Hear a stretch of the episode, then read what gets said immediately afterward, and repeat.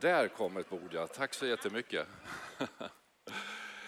Ja, god morgon. Vad trevligt att se så många här en eh, söndag i juli månad, den sista söndagen i juli månad då många har semester, befinner sig på stranden eller på någon solresa söderut.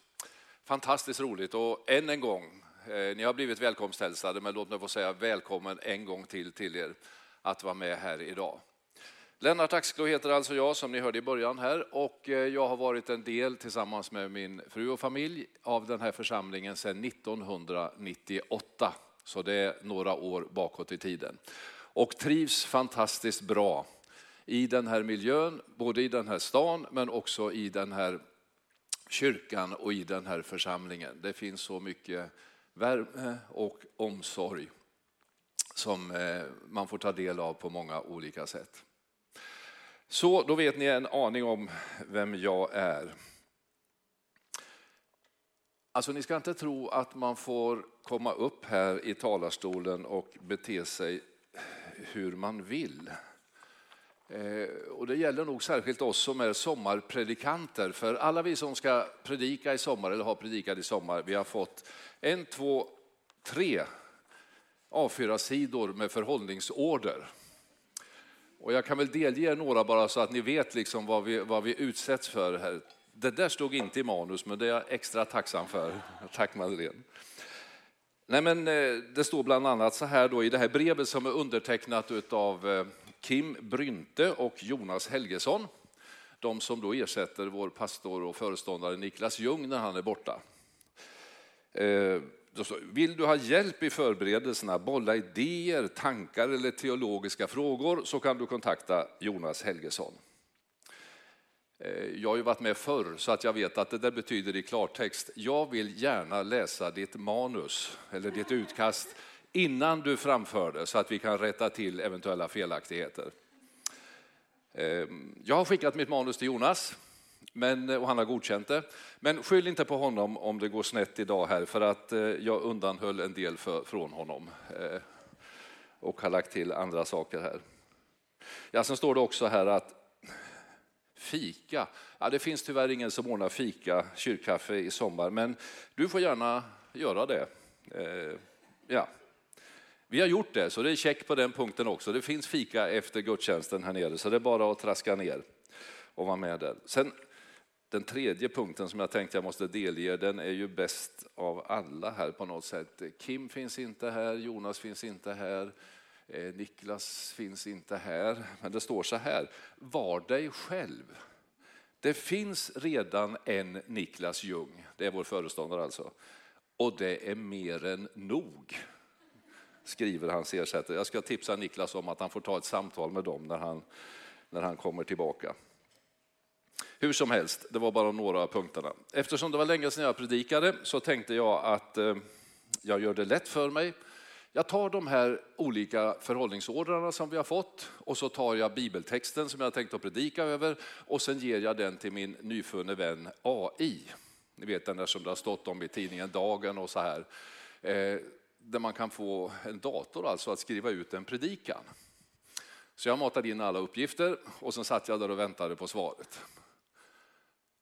Och den här lata gratisvarianten av AI som jag använde svarade nej, jag skriver inte ut någon predikan.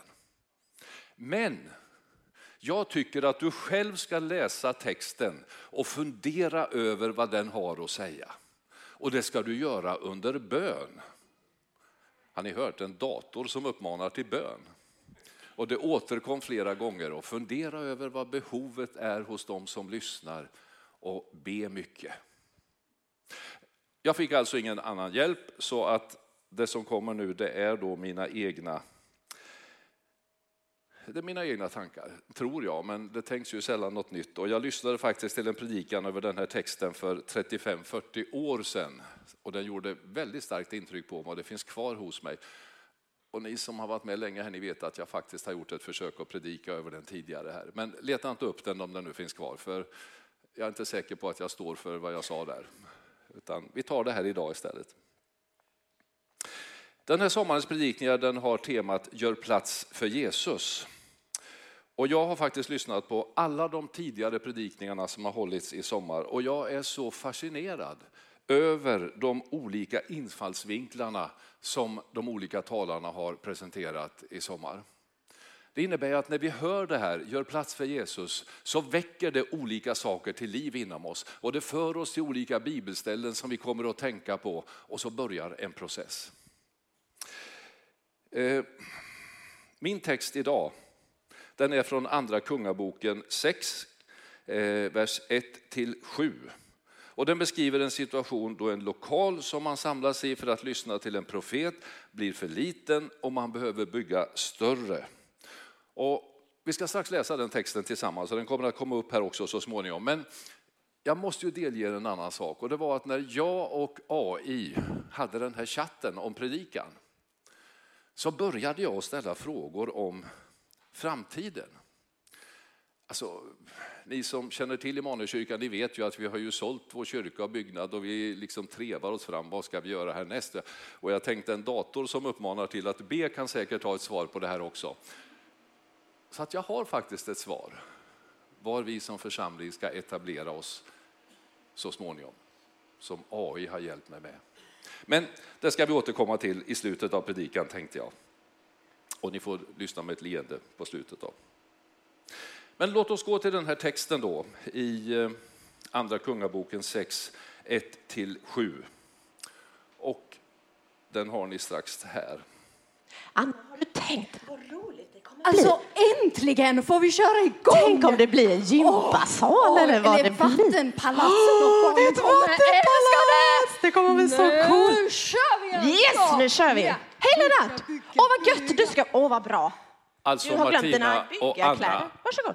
vad håller ni på med? Vi, vi ska bygga kyrka. Ja, Vi ska bygga alltså, kyrka. Du vet, vi har det ganska trångt. Vi är med barnen om söndagarna och Det- vi, det är skohorn. Alltså, Ja. som Ja, ja. små, små praliner i en liten, liten ask. Ja. Så trångt har vi det. Ja. Ja, ja, Och nu, nu har vi bestämt, vi har planer. Alltså planer. gympasal. Alltså, det blir coolt. En danssal, Men det, ateljé. det måste ha kommit rätt plötsligt de här planerna då, Nej, men eller? alltså, vi har pratat länge. Ja. Vi har bestämt. Ja, ja.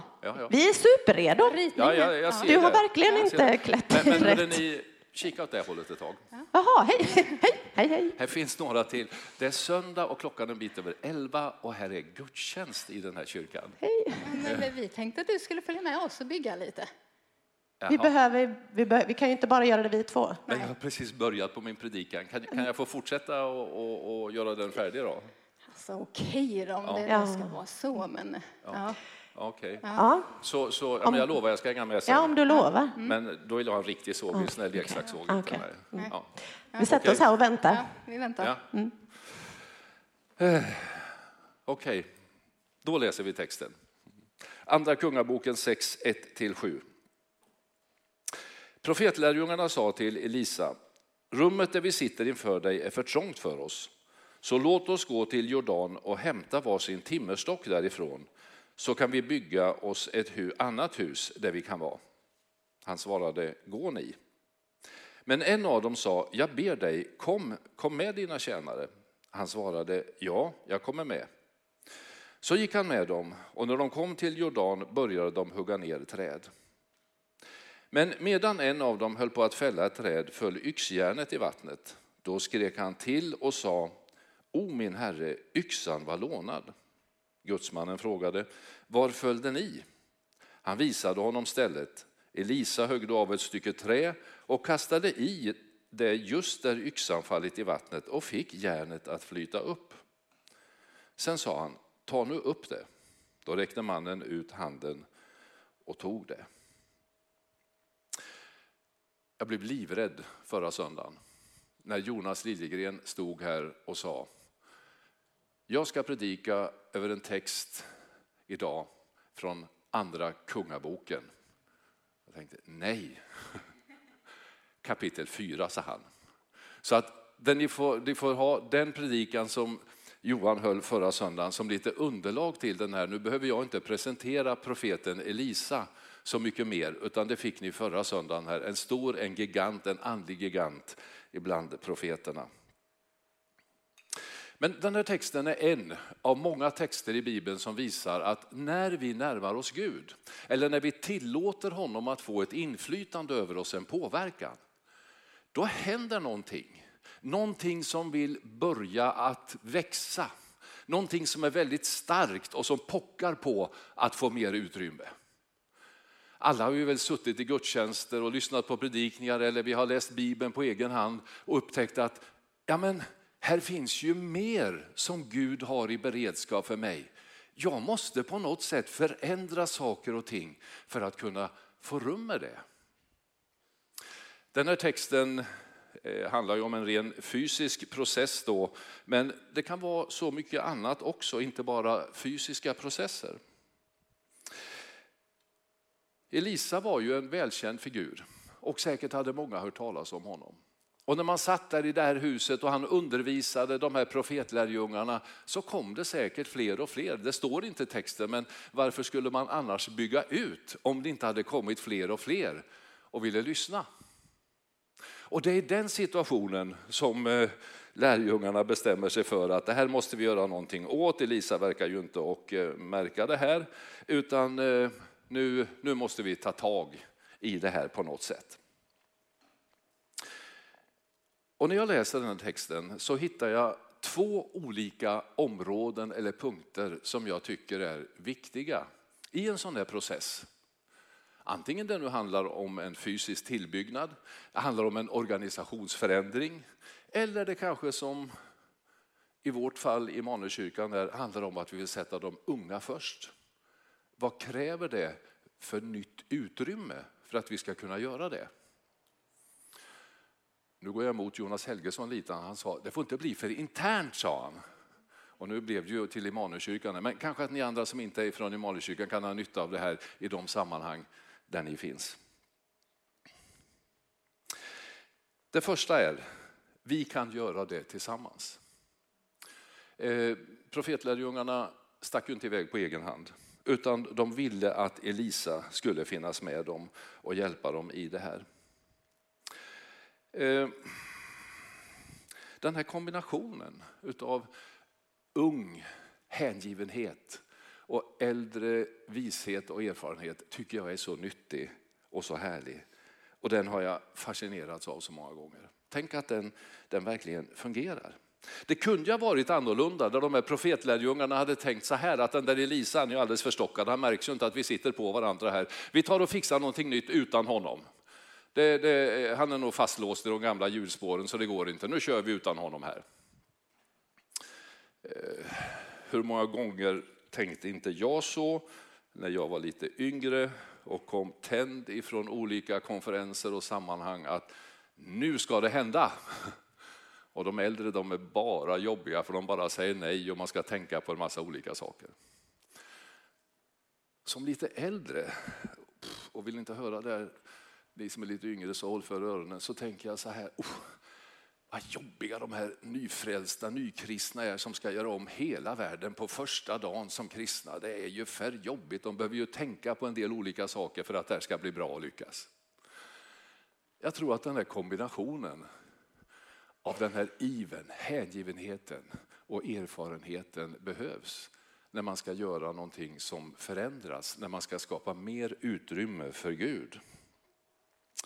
Mose, Josua, Elia, Elisa, Paulus, Timoteus är några exempel på det här samarbetet mellan ung, gammal, eh, iver, erfarenhet som du kan läsa om i Guds ord.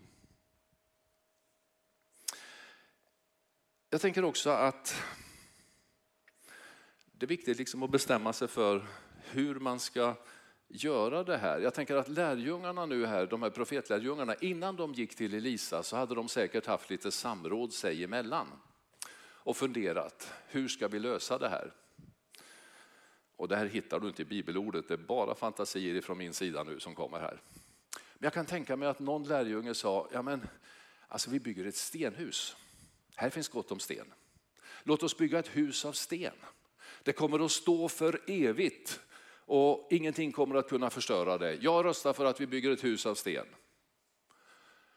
Ah, säger den tredje lärjunge. Alltså det är ute med de här stora samlingarna och grupperna nu. Vi gör så här istället att vi nöjer oss med den här lokalen och sen ändrar vi vår organisation. Och sen är det bara några stycken som vi kan kalla ledare som får träffa Elisa och få dela med hans undervisning. Sen får de i sin tur träffa oss i mindre grupper ute i våra olika hem och undervisa oss. Det tror jag är framtiden. Och sen den segrande gruppen då, som sa att nej, det här med att bygga i trä och speciellt de här fina timmerstockarna som finns på floden Jordans sluttningar. Det blir det bästa. Och så röstade man och så kom man fram till att nej, det här är den modell vi ska följa. Och då är frågan, hur agerade de som ville ha ett stenhus eller de som ville ha samlingar i mindre grupper? Ja, tydligen så fogade de sig i det här beslutet att bygga i trä.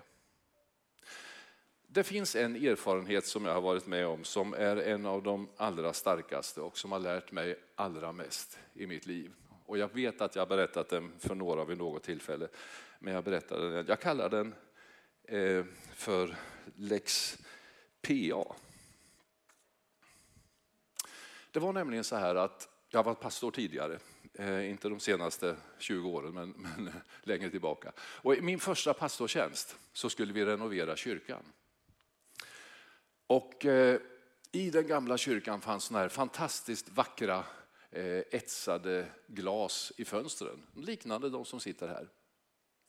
Byggnadskommittén sa de där måste bort, de håller inte värmen inne, vi måste sätta in moderna tvåglasfönster eller isolerglasfönster istället.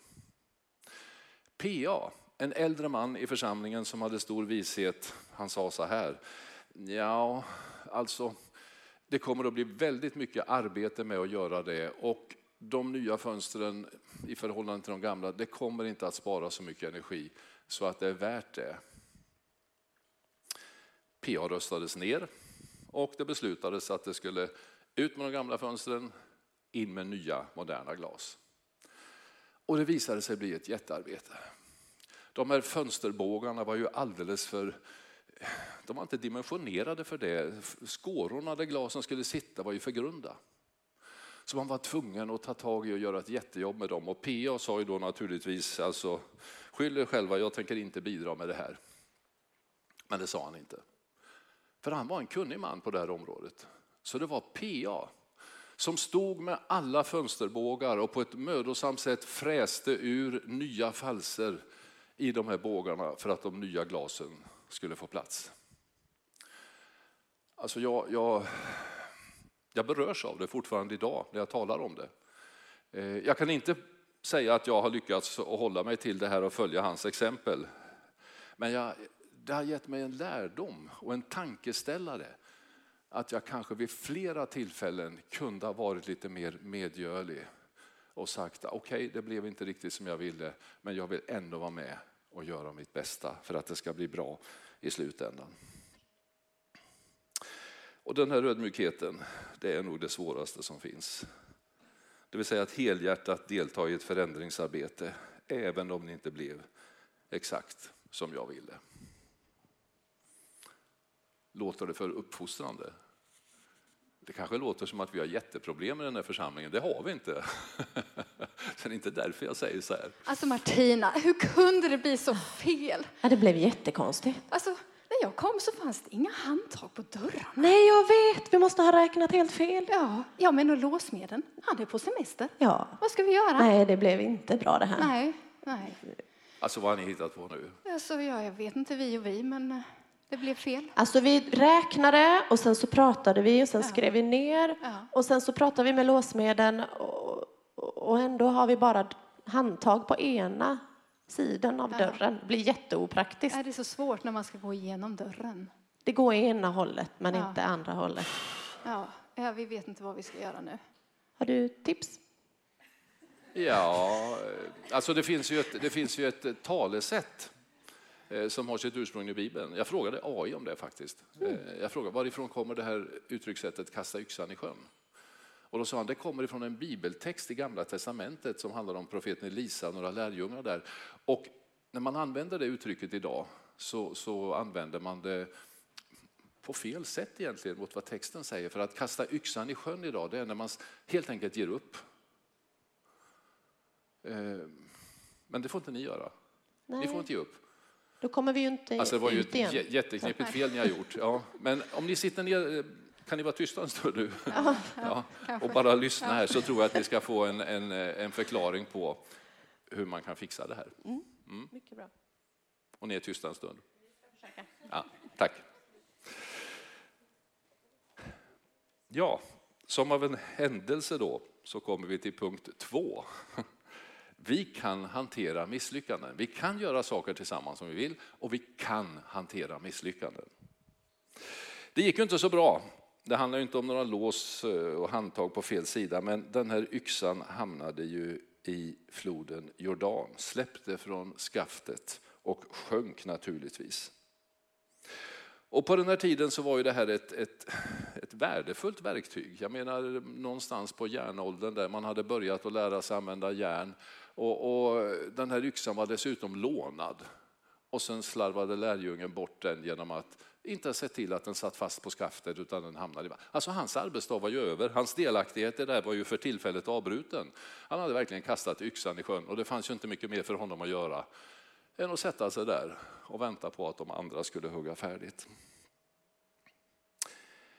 Men något inom honom säger att det kanske ändå finns en lösning. Så han går till profeten Elisa och berättar hela historien för honom. Och Elisa gör något som är fullständigt dåraktigt. Eh, man kan ju skratta åt det. Eh, han frågar först då lärjungen, "Var- trillade yxan i vattnet? Och sen tar Elisa och eh, hugger av en trägren. Och sen slänger han den i vattnet där yxan hade fallit i. Och då händer ju det här märkliga att trä, träbiten sjunker och biten av järn kommer upp. Visst är det dåraktigt?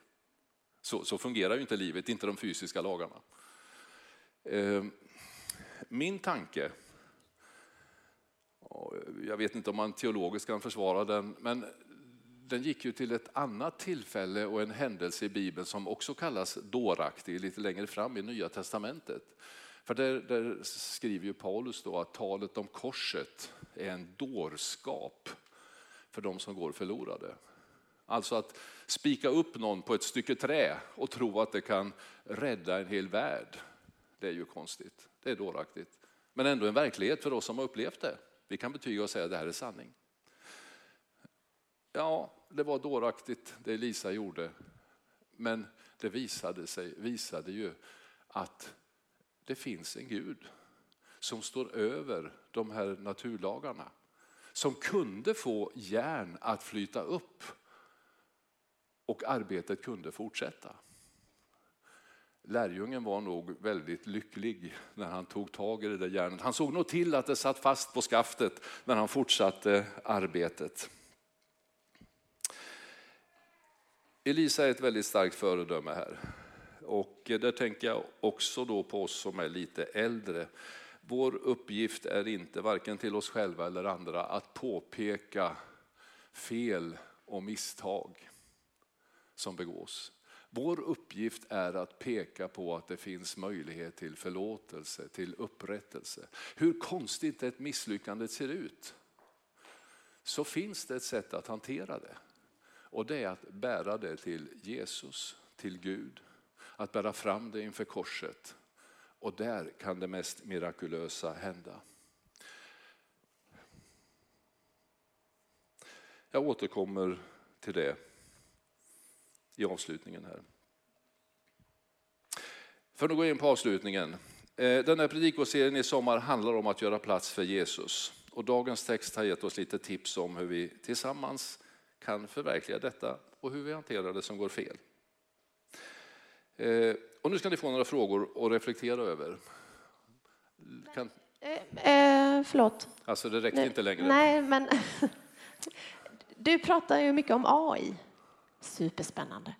Men Vad, vad pratade jag om? du, du sa också i början att du hade ställt en fråga till AI om hur vi som församling, hur Ja. församlingen och framtiden ser ut. Ja, men då blir det väldigt internt. Mm. Ja. Det ser jag fram emot. Det ser jag fram emot. Okej, ja, men då, då tar vi det. Eh, det var ju så att eh, jag och AI började att chatta då om hur missionsarbete skulle bedrivas i framtiden och hur långt man kunde nå med ett missionsarbete. Och jag tänkte ju då på oss som församling naturligtvis, här, hur kan vi på bästa möjliga sätt förvalta liksom framtiden? Och sen av någon konstig anledning så halkade min tanke in på det här med rymden och andra planeter. Och ni vet, känner mig kanske en del då vet att varje sann predikan ska innehålla någonting om rymden. Eh, jag värmde upp på morgonen förresten med att titta på tv-program om där man förberedde en satellit för uppskjutning. Ja. Det hade inget med predikan att göra överhuvudtaget. Ehm, nej, men I det här samtalet med AI så tog AI fram en bild som svenska rymdstyrelsen har publicerat på sin hemsida. Ni kan kontrollera det här sen. Eh, och den såg ut så där. Det här är ju då en, en tänkt framtida bosättning på månen. Och att det ser ut så här och inte som i de här spaciga science fiction-filmerna, det beror ju på att de som ska bo här behöver skydd för strålning och meteoriter och allt annat elände som finns där, så det är ju lite nedgrävt och sådär. Men det som fick mig att haja till, det är ju, ser ni det, på en av de kupolerna som är lite längre bak där ser det ut som ett kors. Ska vi titta lite närmare på den kupolen? Och där står det Immanuelskyrkan. Och ännu bättre blir det om man tittar in i den här kupolen. Så så är det. Sluta att planera ni som är i arbetsgruppen för det här. Vi ska bygga en kyrka på månen. Och eh, Niklas är redan i astronautträning, det är väl därför han inte är här. Eh, och gör sig förberedd för det här, det här jobbet. Eh, låt oss gå tillbaka lite till då, utan att ni behöver störa igen. Till det här med de viktigaste punkterna i predikan. Ni såg att det fanns tre viktiga punkter, kanske jag hade satt det lite inom parentes, men nu tittar vi på de tre viktiga punkterna. Då. Vi kan göra det som verkar omöjligt. Alltså att vara en församling och skapa plats för Jesus, det är någonting som är rätt utmanande. Det kräver ett samarbete av väldigt många olika gåvor och personligheter. Och det kräver konsten att kunna hantera misslyckanden. Om ni är det minsta intresserade av det här med rymden och rymdfrågor så vet ni att ska man förbereda en månresa så krävs det otroligt många professioner som jobbar med sin specialitet och man måste komma överens om det här slutliga målet för att det ska kunna bli verklighet. Och jag har inte hittat någon verksamhet eller någon vetenskap eller någon form av eh, jobb där man måste kunna hantera misslyckanden så ofta och så mycket som inom rymdindustrin. Har ni sett de här olika som konkurrerar om att vara först med att skicka upp raketer för olika ändamål? De kraschar, de exploderar, de flyger i luften, det blir platt fall. Men de ger inte upp, de bara fortsätter. Det var min koppling till rymden och så fick jag med rymden i den här predikan också. Nej, det kanske inte är månen vi ska till. Eh, men det är viktigt att vi är beredda att hantera det som ser så svårt ut.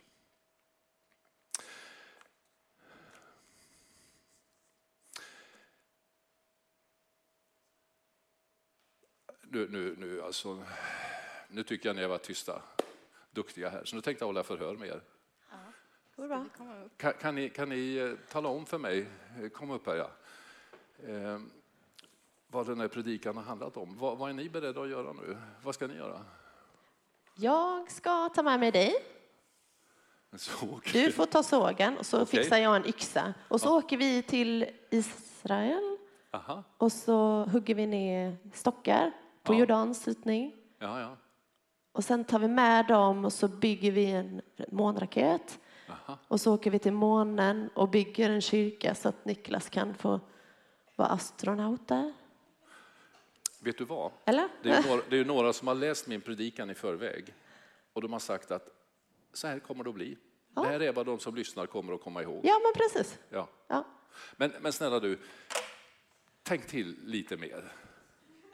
Alltså lite djupare. Det här var ju liksom bara eh, exempel som jag hade. Ja, ja, Alltså, det Martina egentligen försöker säga, ja. det är ju att när vi lär känna Jesus, då händer det någonting i oss. Och då behöver vi göra mera plats för Jesus så att han kan göra det han vill i våra liv. Och när det kommer till församling och vi vill göra en förändring, då med syfte för att göra mer plats för Jesus i församlingens liv, då behöver vi göra det tillsammans. ja. Men vi kommer att stöta på problem, vi kommer att göra misslyckanden och då får vi hantera det och komma tillbaka till Jesus när vi behöver det. ja, ja. Men mitt rymdintresse då? Alltså tyvärr Lennart, tyvärr. Sa det ingenting? Ingenting om svårigheter och någon jämförelse där? Och... Ja men alltså, det finns ju vissa likheter. Det finns alltså, vissa vid, likheter. Vid en, en månresa så behöver man vara mycket folk. Ja. Ja. Man behöver göra, ha många människor som kan göra många olika saker. Ja. Sant. Eh, Man behöver vara överens, Ja. så man jobbar mot samma mål. Ja. Åh, man kan inte ge upp. Nej, Nej, Nej, inte kasta yxan i sjön. Nej exakt. Nej. nej. Ja, men det är ju jättebra. Ja. Jättebra. Men alltså jag tänker ju att om de här månmänniskorna klarar att göra det här, då borde ju På vi, månen, liksom. Ja, på månen. Då borde ju vi som har Jesus som arbetsledare, vi borde ju klara av förändringar Ja, det- och, och liksom att inte ge upp. Universums skapare som leder oss. Ja. Då borde vi klara det också. Om de nu klarar. Ja, nu- nu, nu tror jag det räcker för att det hade, räckt med, det hade räckt med att ni hade sagt det här. Det hade varit tydligare och bättre än min predikan. Men Lite utfyllnad behövs alltid. Ja. ett stort tack. Vi åker alltså inte till månen. Nej, vi Det är inte det som är behållningen. Vi, vi tycker bäst om att stanna här. Ja, men bra. Då gör vi det. Ja. Mycket bra. Stort tack. Kan vi få en applåd för Martina och Anna?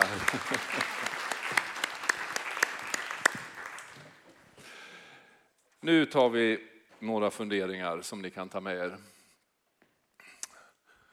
Och då är det gång två som den här visas. Så välkomna upp. eh, ta med dig de här frågorna lite. Vad är det som pockar på att få växa till och förändras i ditt liv? Och vad skulle den här timmerstocken vara i ditt fall? Eh, Någonting som jag tror är viktigt också det är att det finns för många av oss som har gett upp därför att vi har misslyckats och tänkt att nu gör jag inget mer försök. Det kan behöva hanteras. Eller vi kanske behöver förlåta någon annan som har gjort ett misstag, ett misslyckande som vi har lite svårt för att glömma och förlåta. De funderingarna får du ta med dig. Tack för att ni har lyssnat.